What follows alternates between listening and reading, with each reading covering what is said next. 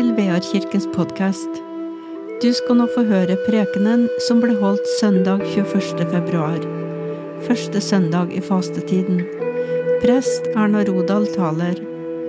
Prekenteksten er fra Matteus 16, 21-23.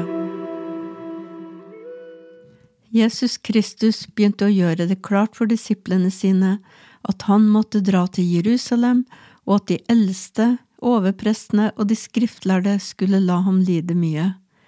Han skulle bli slått i hjel, og den tredje dagen skulle han reises opp. Da tok Peter ham til sides og ga seg til å irettesette ham. Gud fri deg, Herre, dette må aldri hende deg. Men Jesus snudde seg og sa til Peter, Vik bak meg, Satan, du vil føre meg til fall. Du har ikke tanke for det som Gud vil, bare det som mennesker vil. Slik lyder det hellige evangelium. Fastetida er jo en tid for ettertanke og fordypning.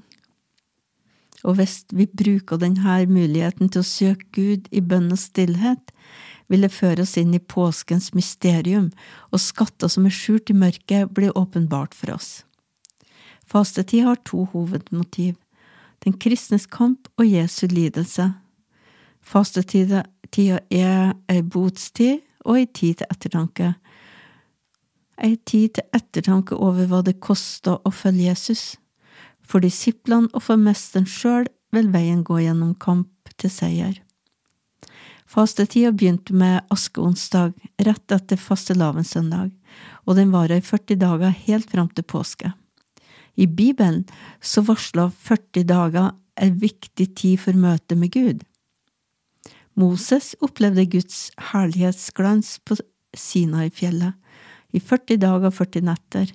Profeten Elia gikk i 40 dager og 40 netter til Sinafjellet, og der hørte han Guds stemme i stillheten.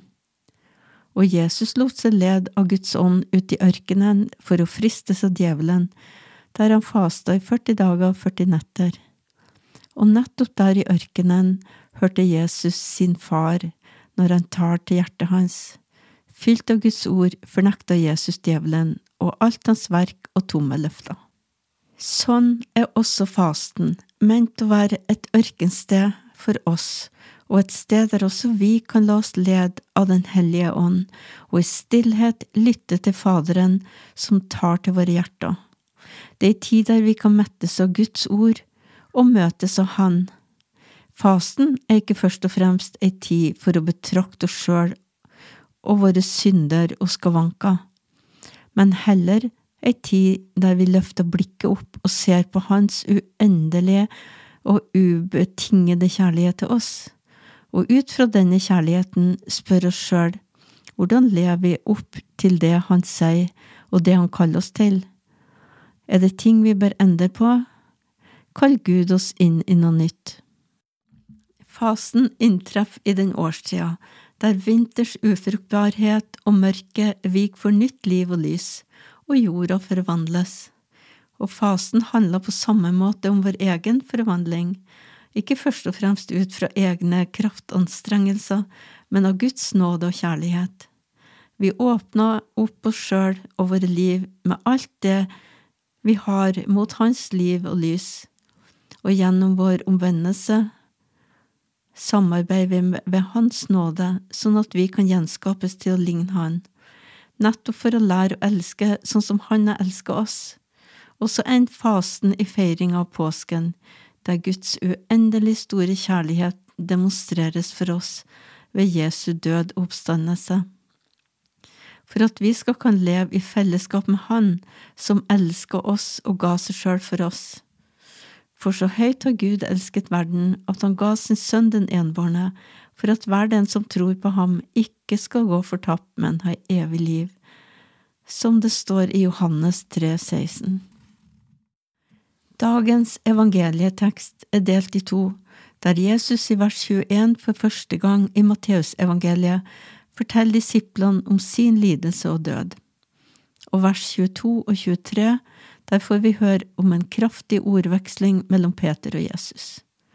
Fra nå av Jesus vil fra nå av forutsi sin lidelse og død. Jesus vil fra nå av begynne å forberede disiplene på det som skal skje i påsken, og at han er Messias.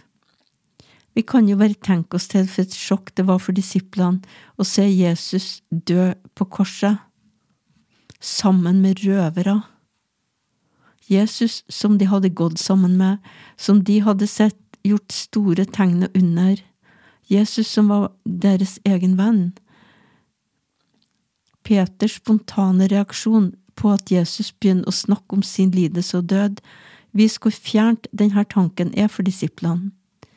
Peter som nettopp hadde fått åpenbart at Jesus er Messias, den levende Guds sønn. Det kan vi lese om i teksten forut for evangelieteksten i dag. Han kunne ikke forestille seg at Jesus skulle dø. Og selv om han nettopp hadde bekjent at Jesus er Messias, så skjønte ikke Peter hva det innebar. Ved sin motstand rokka Peter ved Guds frelsesplan, og det er derfor reagerer Jesus så sterkt når han sier Vik bak meg, Satan. Jesus ser Peters utbrudd som en fristelse til å føre han til fall, så han ikke skulle få gjennomføre det han var sendt til, nemlig å sone all verdens synd til frelse for alle mennesker. Det ligger en guddommelig nødvendighet over Jesu lidelse. Jesu lidelsesvei skulle vi sjøl egentlig ha gått, det er dommen. At Jesus går den i vårt sted, er kjærlighetens mysterium. I Jesu vandring mot korset ligger dommen over oss, og samtidig er det vårt håp. Når Peter forsøker å blokkere denne veien, røper han på vegne av oss alle den mangel på innsikt som menneskeslekten har. Vi skjønner ikke hva som tjener til det beste.